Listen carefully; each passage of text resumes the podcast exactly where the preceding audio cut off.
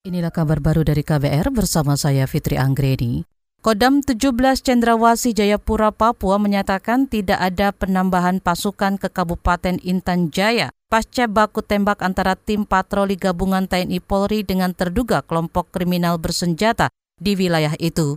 Juru bicara Kodam 17 Cendrawasi Eko Daryanto mengatakan situasi Intan Jaya sudah kondusif pasca insiden baku tembak tersebut.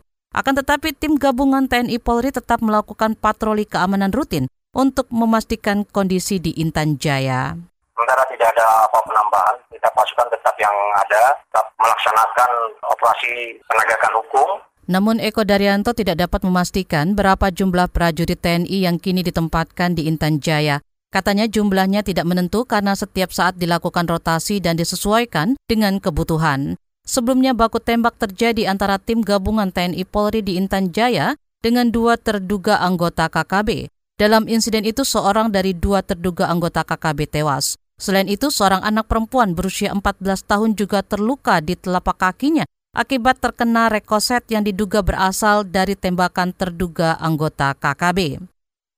Asosiasi Gula Indonesia AGI menyebut belum turunnya instruksi impor dan terbatasnya stok dalam negeri merupakan faktor utama harga gula naik. Menurut Direktur Eksekutif Agi Budi Hidayat ketidaktahuan penjual soal besaran stok gula yang saat ini ada di pabrik dan pedagang besar memicu kenaikan harga di pasaran.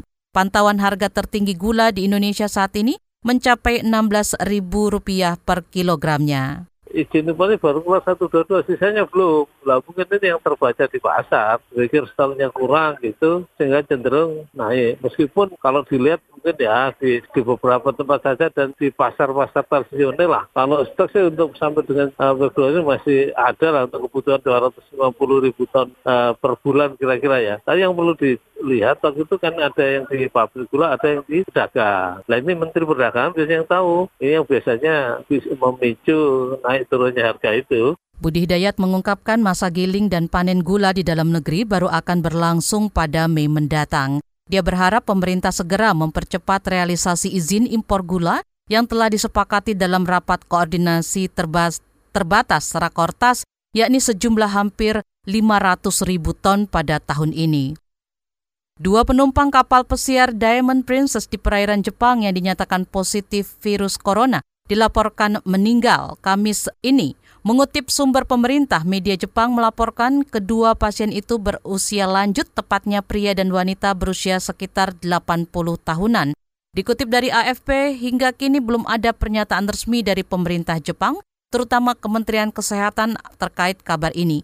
Jika terkonfirmasi, ini akan menjadi kasus kematian pertama dari sekitar 600 orang yang terinfeksi virus corona di kapal pesiar tersebut.